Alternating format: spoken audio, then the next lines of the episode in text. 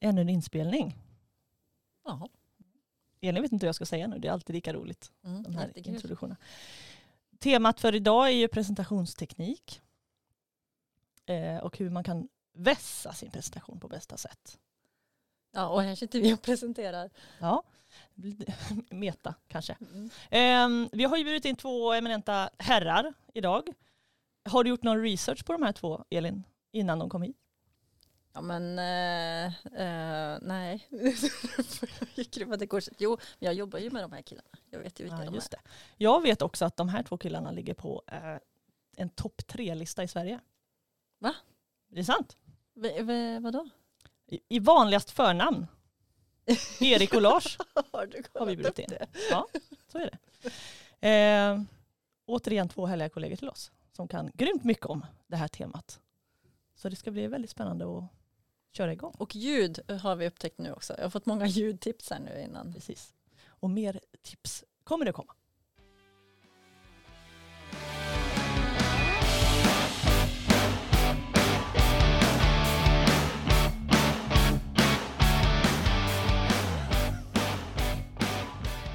Alla blir så impade av den låten. Ja, alla tycker Det- den är väldigt bra. Ja, det är liksom... Speciellt Kör Lars. Jajamän, fantastiskt bra. Mm. Ja, den har vi valt själva. Jag tänker någon, någon gång kanske vi kommer ha någon härlig specialskriven Mm. för oss. Mm, det Ja. tycker jag. Välkomna hit Lars Johansson och Erik Malmsköld. Tackar. Vi tänker att ni ska få presentera vilka ni är. Jag tycker att Erik får börja. Mm. Vem är Eh, du? Erik Malmsköld, precis som ni sa, och jag är, jobbar här på Högskolan Väst som IKT-pedagog. Eh, och eh, i den rollen så hjälper jag lärarna hur man kan ta till sig ny teknik på olika sätt och använda olika system. Och däribland så kanske inte är jättevanligt, men eh, presentationsteknik är en del av det. Så det är jag. Eh, IKT-pedagog, hur, hur hamnar man i det? Hur, hur blir man det? Man är medialärare på gymnasiet och Mhm. man börjar digitalisera så att alla lärare ska ha varsin laptop. Och det här att undervisa med hjälp av eller i konkurrens utav Farmwheel på Facebook samtidigt gör att man får vissa skills i hur man ska liksom engagera studenterna så att de ska fokusera på mig istället för Farmwheel. Och när man börjar digitalisera skolan så plockar de ut mig och använder mig för att coacha andra lärare hur man skulle konkurrera helt enkelt med Farmwheel och hur man skulle använda datorn på ett nytt sätt. Vilken titel. Mm. Se på mig, inte Farmwheel. Precis. Mm. Härligt! Lars, Ja, välkommen. Du tack, med. tack, tack. Eh, inte nog med att jag har då en av topp tre vanligaste förnamn. Kombinerar man med mitt efternamn Johansson så har man Sveriges vanligaste namnkombination. Så I alla fall för en fem, tio år sedan. Just det. Jag tror det finns 35 500 sådana för mig. Och så heter jag Erik också i andra namn. Är det sant? Ja.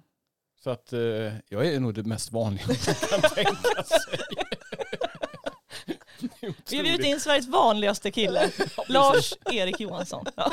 Ja, visst är det skönt? Välkommen hit. Ja, tack. Det kändes som att det blev mer avslappnat då på något vis också. Ja, Ja, men precis. Nu, nu blir det inte lika stor, vad heter det? Nu är jag inte lika nervös längre. Skönt. Mm. Nej, men det- det är alltid bra att känna sig vanlig tycker jag. Ja. Och jag jobbar ju som avdelningschef eh, här på avdelningen för pedagogisk utveckling och studiestöd. Men eh, undervisar också en del. Och det var det jag började med när jag blev anställd här på högskolan. En gång i tiden för 18 år sedan. Mhm. Vad undervisar du i för någonting? Medieproduktion i stort och smått. Eh, numera nästan bara ljud, men även lite video. Eh, Men sen lite grafik. Och sen lite inom högskolepedagogiken. Och sen en del om presentationsteknik. Del om posterdesign. Och, ja. Jag rör mig lite. Mm. Eh, Det är roliga saker med datorer. Bra Eh, sammanfattat. ja. Roliga saker med datorer. Vad bra. Ja, vi har ju frågor. Ja, precis. Vi tänkte att vi börjar lite sådär. När jag och Elin pratade lite om det här med presentationsteknik och presentationer så reflekterade vi lite kopplat till när, när vi pluggade på högskola. Så kan det, kunde det vara så att det, i, när det börjar närma sig slutet av någon kurs eller sådär så var det att ja, men alla ska ha en muntlig presentation av det som något grupparbete eller enskilt arbete som man ska ha. Eh, och det som dyker upp i mitt huvud och även i, i Elins huvud är sådär, ja, en, en muntpresentation det är, jag står i ett klassrum bakom en kateder och presenterar något för en, en, eh, min klass. Jag och så har, har en jag gjort, ja, jag har gjort en powerpoint Mm. till detta. Står du själv?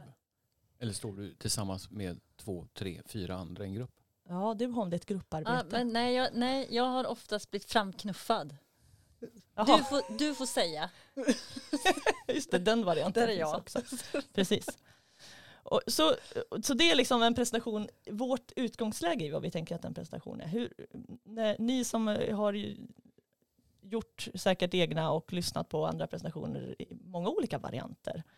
N- när, när man säger en presentation för er, vad tänker ni på då? Vad tänker du på Erik? Vad är en presentation för någonting? Ja, men det handlar ju om på något sätt att föra fram innehållet man tänkte att presentera och att det blir ett talstöd. Ehm, oftast gärna som visualiserar, gärna med bild eller grafik eller någon form av, ja, som förstärker det man säger. Mm. Och helst inte texten man tänkt att säga. Mm. Är inte det primära. Jag, ibland kan det vara så att man har en powerpoint fullt med text och så den vederbörande står och läser ur den för att man är lite nervös eller oinsatt. Ja just det, och, och det vet jag att man själv också ibland sitter och läser en presentation istället för att lyssna på den som pratar. Ja, men jag Om det är mycket presenterar ju text. i alla fall. Vad sa du? Jag presenterar ju i alla fall. Ja, just det. Precis. Eller kan man klassa det som en presentation eller en högläsning? Ja, det vet jag inte riktigt. Mm. Vad säger du Lars, vad är en presentation ur ditt perspektiv? Ja, det beror ju lite på. Eh, en föreläsning är en föreläsning. Det är ju egentligen ingen presentation. Men jag använder presentationsteknik i min föreläsning. Eh, en presentation kopplar jag kanske då mer på ett kort inslag bland flera i ett möte, konferens eller något annat där man då ska presentera någonting ganska kortfattat. Eh, eh, Nu, jag nu börjar jag vifta med mina händer, det kommer jag ju på. I podd är ju det rätt kass. alltså. Eh, men, eh, men presentationen är ju att sammanfatta och vara, vara så konkret som möjligt under en begränsad tid. Mm. Och oftast med hjälp av ett presentationsverktyg som stödjer mitt budskap. Mm.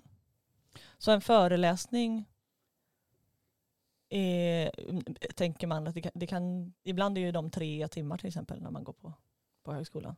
Förhoppningsvis Då är det 3 mer. gånger 45. Ja, Annars, ja, annars, är det hårt. några men, men det pauser. händer ju att det, Ja. att det faktiskt kan bli tre Ja. gånger en timme. Ja, just det, det är sant. Precis, men presentation, tänker du att det är en liten kort, en kortare, Ja, ett kortare framförande? Ja, ja men Ja. på något vis. Mm. Eh, ganska avgränsat. Mm. eh, Så. Eh, En föreläsning kan ju bestå av ett antal kortare presentationer som man Mm. satt ihop till någonting. Men eh, låt oss säga då att jag är, jag är student. Jag har fått i uppdrag att jag ska hålla en eh, presentation av vad vi har kommit fram till här under kursen eller under det här arbetet eller någonting sånt där. Ehm, va, va, vilken ram skulle vi hålla oss inom här? Eh, är det 15 minuter eh, av ehm, Det är ganska Prata. lång det presentation lång tid? får man nog Mm. säga. Men det, ja, det brukar vara sådär. Vanligast är väl att man säger ja ni har 15 minuter på er, eh, 10 minuter presentation och 5 minuter för frågor. Eller 10 minuter, en kvart för en presentation och 5 minuter för frågor. Alltså det brukar vara det här vanligaste ramverket i undervisningssammanhang. Och- där studenter ska presentera. Och vad har, vad har jag för valmöjligheter då? Om jag, om jag tänker du som lärare, vad, vad, vad hoppas du på att ska dyka upp? Är det här powerpoint som är tydlig och konkret? Eller vad är det vi vill, eh, vad, vad är det vi vill ha? Har man varit med ett tag så vill man ju bli lite överraskad. Faktiskt. Det skulle ju vara att någon inte använder powerpointen. Om det inte är ett krav då. Mm. Men det är det ju oftast. Mhm. Det är ganska vanligt att man eh, ska skicka in sin, sitt presentationsmaterial efteråt på något vis. För att bevisa. Att jag har gjort? samma, ja, ja, det finns en massa varianter där. Man kan ju även tänka sig att man eh, då ska namnge de som har varit med och skapat det. Om det är en gruppuppgift Mm. eller inte. Så det finns sådana där delar. Sen är presentationen en, del av ett examinerande moment. Eller är det bara att man vill ha den korta sammanfattningen? För att ja, Det finns ju rätt många olika sätt att jobba med presentation. Eh, Man kan ju använda det som ett jättebra pedagogiskt stöd att man redan från början säger att eh, ni ska läsa varsitt kapitel. Det ska presenteras för eh, gruppen. Mm. Och tillsammans kan vi då diskutera och ta olika ingångsvinklar eller ståndpunkter utifrån det vi har läst. Mm. Och då bildar vi ju kunskap tillsammans. Och då, men då är det en pedagogisk idé med att man har styckat upp. Och det vanligaste är ju faktiskt tvärtom. Eh, det var därför jag frågade om det där med är man själv eller flera.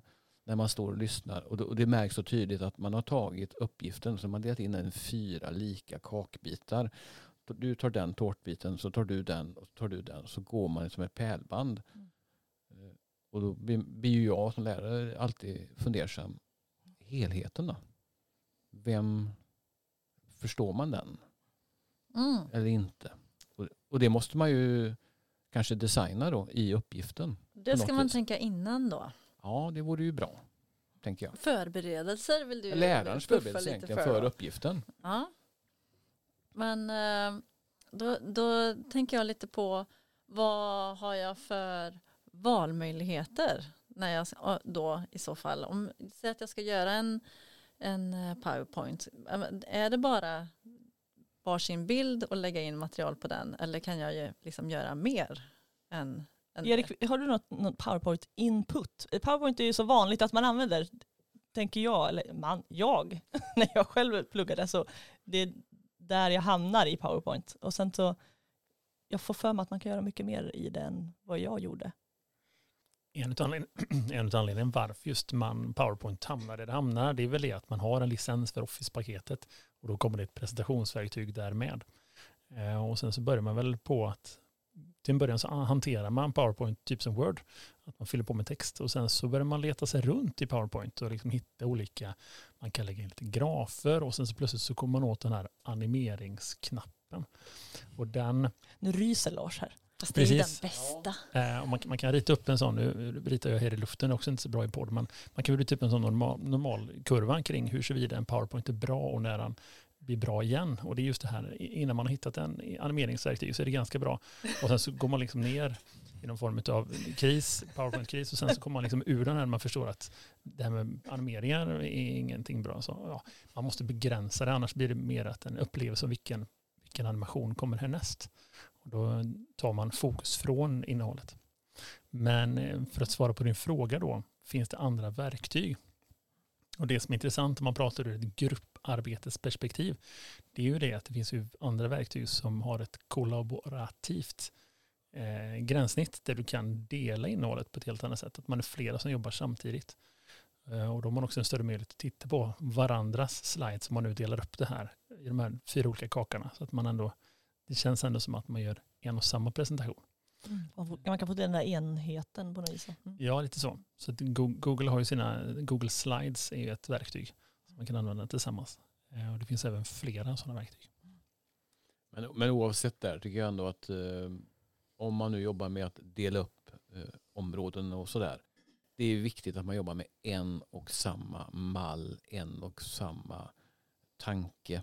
Så att det inte spretar. För eh, det måste ju hålla ihop. Ett, ett presentationsmaterial måste hålla ihop. Men jag måste ju ändå säga det, att än viktigare. Ett presentationsmaterial är bara ett stöd för den som presenterar.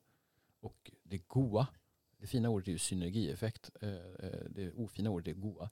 Det är ju när presentatören och presentationsverktyget tillsammans blir någonting mer. Det måste vara målbilden. Att helheten blir större än summan av delarna. Exakt så. Det är fint sagt. Tack. Och, och, det, och där faller ju det som Erik var inne på, det här med att eh, man läser sin powerpoint. Om det betyder att om jag delar ut min powerpoint innan så behöver jag inte säga någonting. Då är, då är ju det ett, ett dåligt presentationsmaterial. Eller vice versa, om jag använder mig av presentationsmaterial men jag behöver egentligen inte titta på det som åhörare utan jag kan lyssna bara. Mm. Vad har jag då den till? Mm. för? Så att både presenta, presentationen, presentatören och presentationsmaterialet måste hänga ihop. Och det ska bilda någonting mer. Lätt att säga, inte så lätt att kanske nå. Man, måste testa och prova sig fram. Har, har du några sådana där exempel som, som eh, är så här, det där var en riktigt bra presentation eller någonting som du som du kommer att tänka på? Så här, tycker vi studentpresentation då. Ja, ja, eller jag tänkte säga Steve Jobs. Rosling eller något sånt där gött. Liksom. vi ner Eller det. valfritt TED Om vi säger Steve Jobs där då, det kan, kanske många kan relatera. Vad, vad, vad är det som är så himla bra med de presentationerna då? Han presenterar nya Apple. Ja, men han nyttjar ju verkligen det visuella mediet. Dels är det ju oftast en gigantisk skärm som han står vid. Han är ganska liten jämfört med, med, med, med den visuella impacten du möts av. Mm. Men hela tiden så samspelar ju han med bilden och han plockar ju fram saker och ting. Eller om det, vem det nu är som trycker på knapparna. Men det är ett samspel. Eh, Och, och visuella mediet är, blir ju, alltså visuella upplevelsen blir ju rätt, det är ju spännande. Det är nästan som att titta på film. Ja det är sant, jag, jag sitter ju kanske och väntar lite på vad är det så han ska säga nu? Eller jag vet inte vad det är han ska berätta. Skapa lite intresse helt enkelt för innehållet. Mm. Det finns en klassisk, eh, just vad det gäller Steve Jobs presentationer, när han ska presentera iPhonen. Och när han ställer sig upp och berättar att idag ska vi presentera tre olika produkter. han. Att, att det, är, det är en telefon och det är liksom en, en, en iPod med touchmöjligheter och det är en internetkommunikationsverktyg. Och så har han de här, det visualiseras genom en, en tärning som snurrar. Och så snurrar den flera varv och så kommer det de olika stegen fram. Och till slut så börjar det sjunka in att det är inte tre saker utan det är en sak som ska på något sätt släppas. Vilket blir det sån. Ja, då trillar polletten ner och kan man bygga upp en förväntning på det så, så har man ju kommit väldigt långt. Nu, nu är vi ju inte så här, vi är ganska elaka här nu. Så drar vi Steve Jobs och, och de här tunga grejerna. Jag, För vi jag satt precis och tänkte så här, ja, men, eh, eh, nu när jag pluggade maskiningenjör och jag ska presentera mitt studentarbete om hur vi gjorde vår femanalys. Var, var ska jag landa i detta? Ja, liksom. Det Kanske inte, få, få lite text och stora bilder. ja. Nej, men det är ju inte alltid att eh, man får, alltså de kraven ställs på den här presentationen man ska göra. Och det är dumt att överarbeta det, givetvis. Mm. Det ska man ju inte göra. Men samtidigt så vill jag ju göra lite impact. Så att jag, vill, eh, jag vill ju ändå att det ska se, se riktigt bra ut. Ändå, Men det är väl en jättebra utgångspunkt. Är det här ett material som du eh, känner att du kan vara stolt över? Ja, I, i, i, ibland är det ju det. Ibland kanske jag bara vill presentera det och bli, bli av med det. Men att du ska bli ändå ganska nöjd över mig Ja. som lärare också. Men är man stolt över ett material eh, som man presenterar så brukar det oftast bli bra. Mm. För då har man ju lagt ner lite mer tid än kanske det allra minsta för att ta sig förbi någon form av gräns. Och då räcker det ju rätt länge. Och framförallt, eh, du måste ju, ska vi säga, man ska brinna för ämnet. Men man måste ju vara intresserad av det man presenterar. Det måste genomsyra presentationen. Jo, såklart. Men jag är ju inte intresserad av alla ämnen jag läser. Nej! eh, Men då vill jag ju göra en riktigt bra presentation ändå. Ja, det kan man ju tänka sig. Men, men, men ni sa sa ju det här vad, vad som är bra presentation. Ja. Alltså det, det är ju när man liksom, ska vi säga att man glömmer bort tid och rum. Inte, Mm. inte riktigt så, men alltså, berättelsen blir central. För Kan det, kan det vara att jag visar att jag har varit intresserad eller att jag har lärt mig någonting? ja, speciellt det senare i skolsammanhang Mm. givetvis. Alltså det ska ju vara tydligt att här har det hänt någonting. Så jag vill ta med dig på en liten eh, berättelse. Ja. Och det var ju, tycker jag, det som Erik använde som exempel där med Steve Jobs. Alltså, när man förstår att hmm, det fanns någonting här. Alltså, det, är ju, det är ju en berättelse som är byggd. Eh, Och det är klart att alla är ju inte storytellers på, på det sättet. Men Och då, ändå då ha någon jag, idé om ett början och ett slut. om jag skulle göra den här presentationen om min femanalys då, så tänker jag att det kanske inte hade varit helt fel att ta med mina misstag. Som jag gjorde i början och hur jag rättade till. Kanske hade varit intressant. Ska du, visa, ska du visa på ditt lärande så kan du ju visa på att eh, du har gjort de här tre sakerna. Det gjorde att jag kom fram till den fjärde som verkar vara det som fungerar. Mm. Visar ju på ett kunnande Mm. till exempel. Jag tänker lite på um, dig Erik som träffar mycket undervisande personal här Mm. på högskolan. Och vad, vad är det för utmaningar eller vad är det som de frågar dig om? För det är ju mycket kopplat till deras upplägg när de ska um, undervisa eller bygga en föreläsning eller sådär. Är det något speciellt som du brukar, en så här lågtröskelgrej som man kan introducera om man vill göra något mer än den där powerpointen bara till exempel? Har du någon sån? Nej, men en, en, en sån sak som man bör reflektera på som för alla egentligen, det är väl det här materialet man använder sig av. Eh, oavsett om det är en, en, en, redovisning som elev eller, eller student eller som ett, eh, ett kursmaterial som lärare eller om man är med och presenterar på en konferens. Ofta så kommer frågan, kan du dela ut den här liksom, eh, powerpointen eller presentationen efteråt? Och har du då rättigheterna till det materialet som är i? Alltså, om, så man inte liksom knycker bilder till exempel och har i oh. presentationen och sen delar ut det för då blir det plötsligt bekymmer. Eh, så det här är ju, en sån sak är viktig. Om man, inte, om man inte har möjlighet att ta bilderna själv så kan man ju titta då efter de här Creative Commons-licenserna som är okej att använda sig av. Det är en sån standardtips. Eh, och ett annat som jag tänkte just då, då vi hade ganska långa diskussioner under pandemin där lärare som kommer in och känner en frustration över att i ett, i ett, i ett auditorium med studenterna framför sig så är egentligen PowerPoint bara ett, ett talstöd som kanske är lite passivt men de är aktiva och liksom i gester och liksom i kropps, kroppsspråk kan kommunicera. Men plötsligt blir man väldigt begränsad när man sitter i en Zoom-ruta och då blir PowerPointen och alla presentationer så mycket mer värd. Och, och, just för att skapa då studentengagemanget för att kunna driva då studenterna att, att de känner att ja, men det är lite spännande och liksom, så, så då, då är det flera lärare som på något sätt har experimenterat ganska mycket med presentationsverktyg och fått studenterna att bli mer engagerade i ämnet, vilket är jätteroligt. Men det tycker jag är intressant, det som du säger just med engagemang. För det tänker jag också med, när man lyssnar på en presentation, så är det ju, eller håller den för den delen, så det är, är det ju det man vill skapa, precis det som du säger, man vill skapa det engagemanget hos de som, eh, som lyssnar, vilket ibland kan vara svårt att veta vilken ände ska jag börja i och hur kan jag göra det. Har ni, har ni något, hur, hur skapar man engagemang? Lars, har du någon tips kring det? Bygga in retoriska frågor. Mm. Ju, om det är utrymme för det. En vanlig, rak, enkel presentation är oftast inte det. Men, och det var därför jag började dividera om det här med skillnaden mellan presentation och undervisning. I undervisning ligger det ju ganska mycket interaktion. Vi ska ju liksom stöta och blöta och prata om saker och ting. Så att en del av det man gör i undervisning är ju presentation. Det andra är ju in, ren interaktion. Men det kan man göra även i kortare presentationer om man nu vill få med sig auditoriet genom att kunna ha frågeställningar. Det kanske man hade kunnat fråga innan. Finns det möjlighet att jag skulle kunna få göra en, en uh, frågeställning och så får alla prata två och två? Man kan säkert bolla med sin lärare Bi tänker jag. Bikupa. Ja, man har, ja, om man har en idé om en presentation, är det okej okay om jag lägger upp det på ett lite annat sätt? Än, eh, och så hoppas vi att, att lärarna är öppna för lite nya infallsvinklar i det. Men, ja. men eh, Erik, jag vet att jag har sett någon använda sån här att man får eh, tycka till. Vad tror ni är det vanligaste sättet att göra det här på? Och så tyck till här via den här länken eller någonting sånt där. Eh, vad är det? Det är ju en, en jättebra verktyg just för att få, få, få en, att man får input från auditoriet eller de som är med vid undervisningstillfället.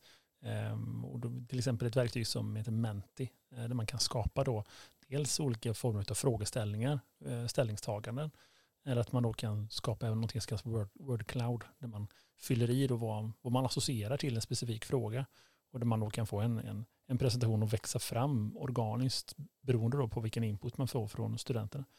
Och det här att man, man känner att man är delaktig i någonting ger ju en, en, ett egenvärde på något sätt. Men om man bidragit då vill man också vara intresserad av att se lite grann vart det landar någonstans. Alltid lurigt bara med de där responsverktygen. De är ju grymma. Mm. Eh, men det gäller att man har tid för dem. För man måste ju ta hand om det svaret eh, mm. och också börja prata om det så det inte bara blir som en kul grej. Mm. För det, det, sånt ser ju folk igenom ganska så fort. Mm, ja, ja, bara gör, det, det, är Fråga lite som animationerna. Fråga inte om något om du inte vill veta svaret. Nej, du mm. måste liksom hantera det svaret. Det är samma som animationer eller att eh, texten brinner för att det fanns en, en knapp för att texten kan brinna. Det, det måste ju finnas ett syfte i det man gör. Jag har glömt bort det, äh, brinna animera-knappen känner jag. Ja, det är vi mackägare här. Vi, vi är väl medvetna om den funktionen i våra presentationsverktyg. jag tänker, det hänger väl ihop lite med det som vi pratade lite grann om tidigare också. Att att det som, även om jag om man säger, bara har en powerpoint så, så är det viktigt att det som är på den hänger ihop och att det ger ett, ett, ett mervärde till det som jag säger också. Och det blir, det blir väl samma med en sån, eventuellt någon sån här om man gör Pols eller Menti. Att, att det behöver finnas, knytas ihop och finnas ett syfte med, Och det, med där, den grejen också. och det där tycker jag är intressant för att det gäller ju faktiskt alla val man gör. Även valet av teckensnitt i sin presentation behöver ju hänga ihop med innehållet. Det måste ju stödja innehållet.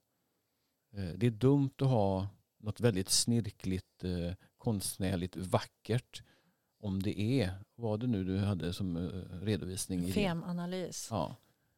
Kanske är ett sätt att väcka intresse och sådär men, men det kanske får helt motsatt syfte. Mm. Kongenalitet är uttrycket inom typografinvärlden för det. Saker måste, det måste hänga ihop även, så även det man ser ska hänga ihop med, med budskapet man har. Jag sätter en stämning. Ja. Så att hela tiden få det hänga ihop. Röd tråd Mm. är rätt viktigt. Jag tänker, vi pratade lite på tid förut, om jag har ganska kort tid på mig. eh, eh, Ska jag tänka på något speciellt sätt då i hur här, start, mitten, slut eller någonting sånt där? Eller eh, hur, hur ska jag hantera om jag har väldigt kort om tid på mig att presentera någonting?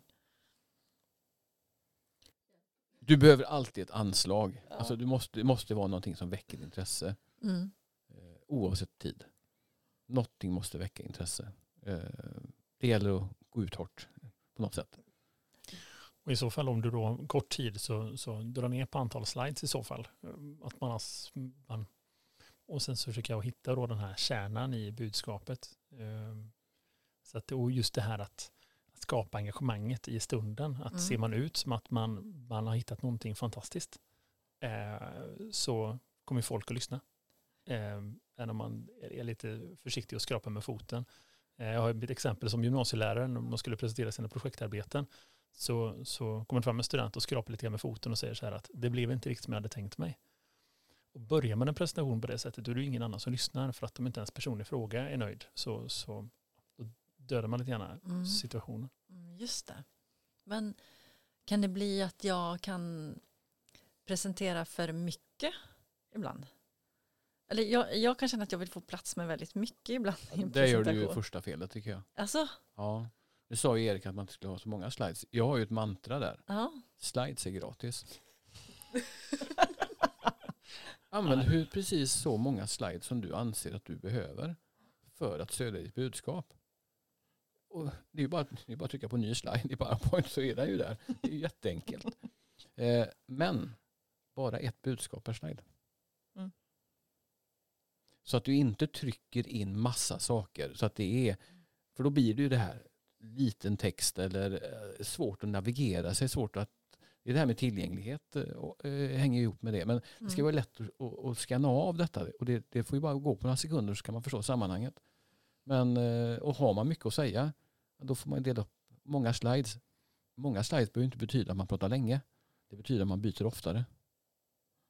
Mm. Bra med en sån här liten klick. Ja, vi, vi gjorde den här nu Ja. i luften. Den här eh, det, det, det känns, väder, väderpresentatörsklicken. Jajamän, Ja. men jag tycker att det är rätt viktigt att eh, undvika att trycka in för mycket saker. Då är det bättre att ha fler bilder.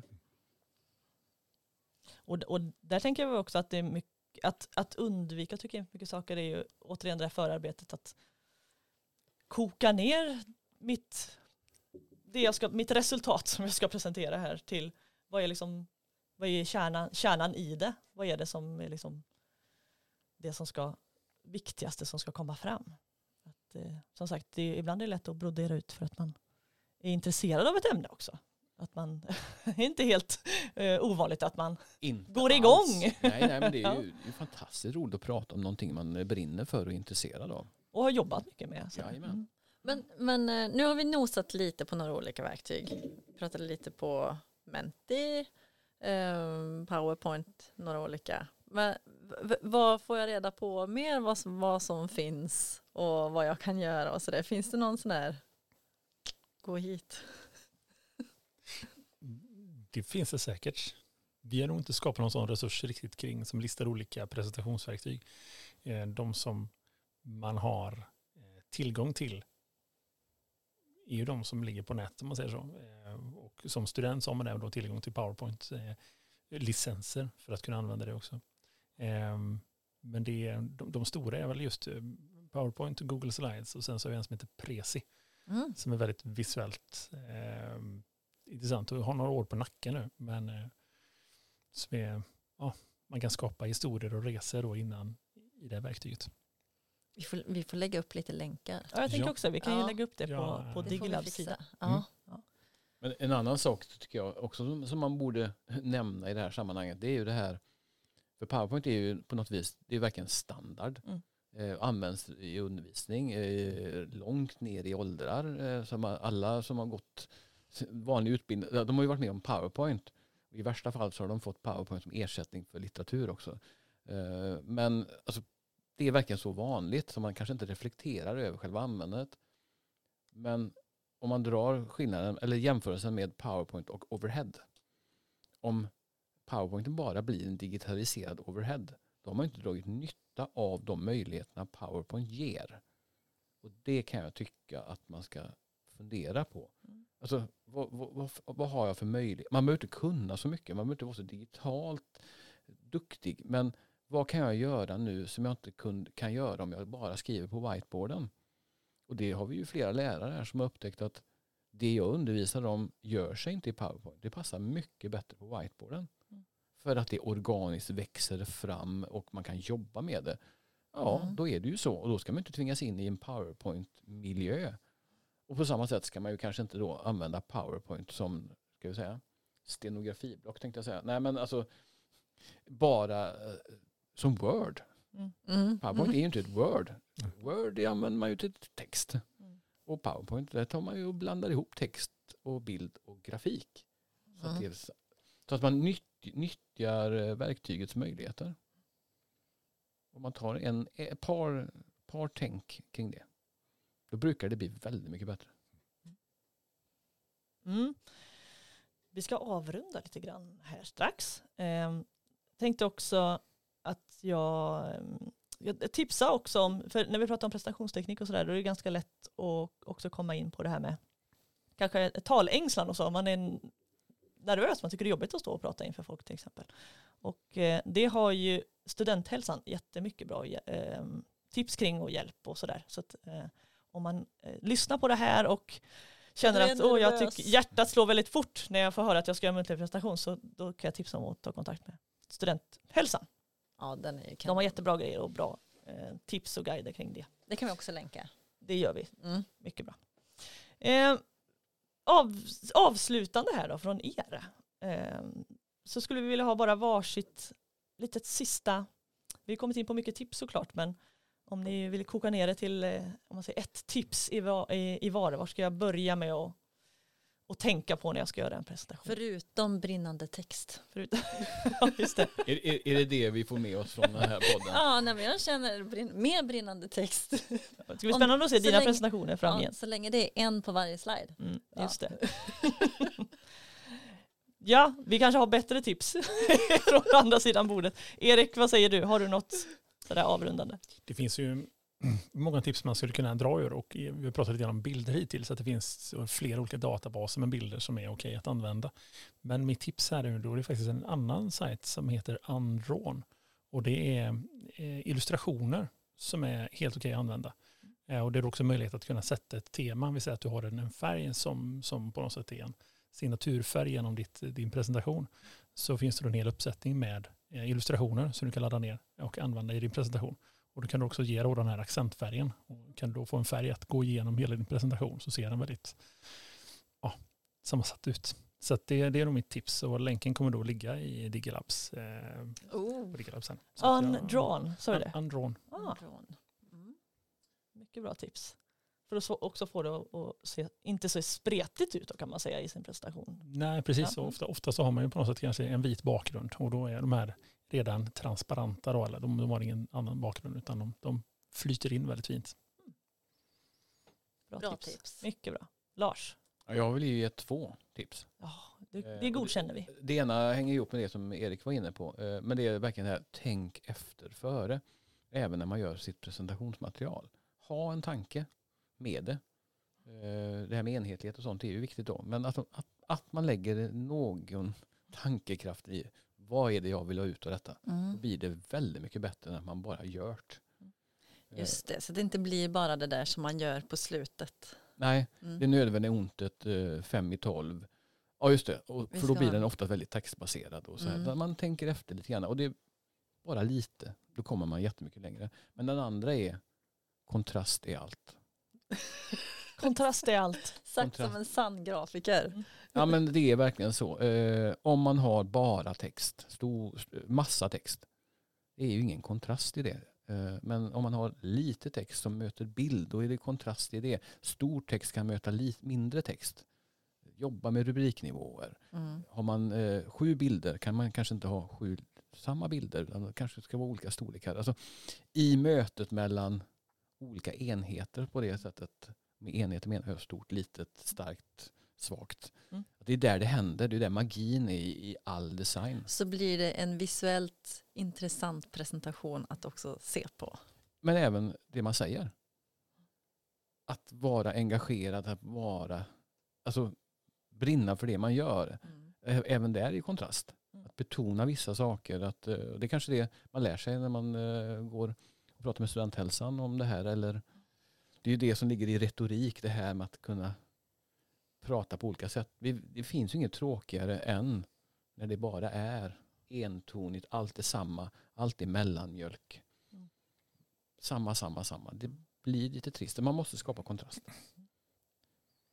Ut och, och skapa teater och eh, Oj. engagemang och eh, Teater. teater. Ribban hög. I det lilla. Ja. Poff, poff, fyrverkerier vid sidorna. Bara, nu, femanalys. Tjo! Så, nu kör vi. Elin vill verkligen att det ska brinna hela tiden. ja, Jag tror vi kan ta kontakt med, med IV och se om du kan komma och föreläsa just om just. Presentations... Ja. Just kring det. ja, det har jag ju hållit på med. jag vet inte alls vad femaanalys är. Så det ska bli väldigt spännande att höra den här presentationen sen. last till exempel på olika material. Det ska vi ju inte Nej, snöa in det på blir- här. Men det är väldigt intressant för Ja. den som är intresserad. Mm. Kan jag säga. Toppen. Vi tackar så jättemycket för det här. Eh, jättekul att ha er här och prata om det här ämnet. Det finns mycket, mycket mer att säga såklart. Som alltid. Men vi får runda av. Vill du säga något slutord Elin? Förutom femanalys. Nej, jag, det blir väldigt snygga bilder av den. Det kommer funka bra. Tack eh, för den här omgången. Så hörs vi snart igen. Tack för idag. Tack, tack. Lycka till. Hej.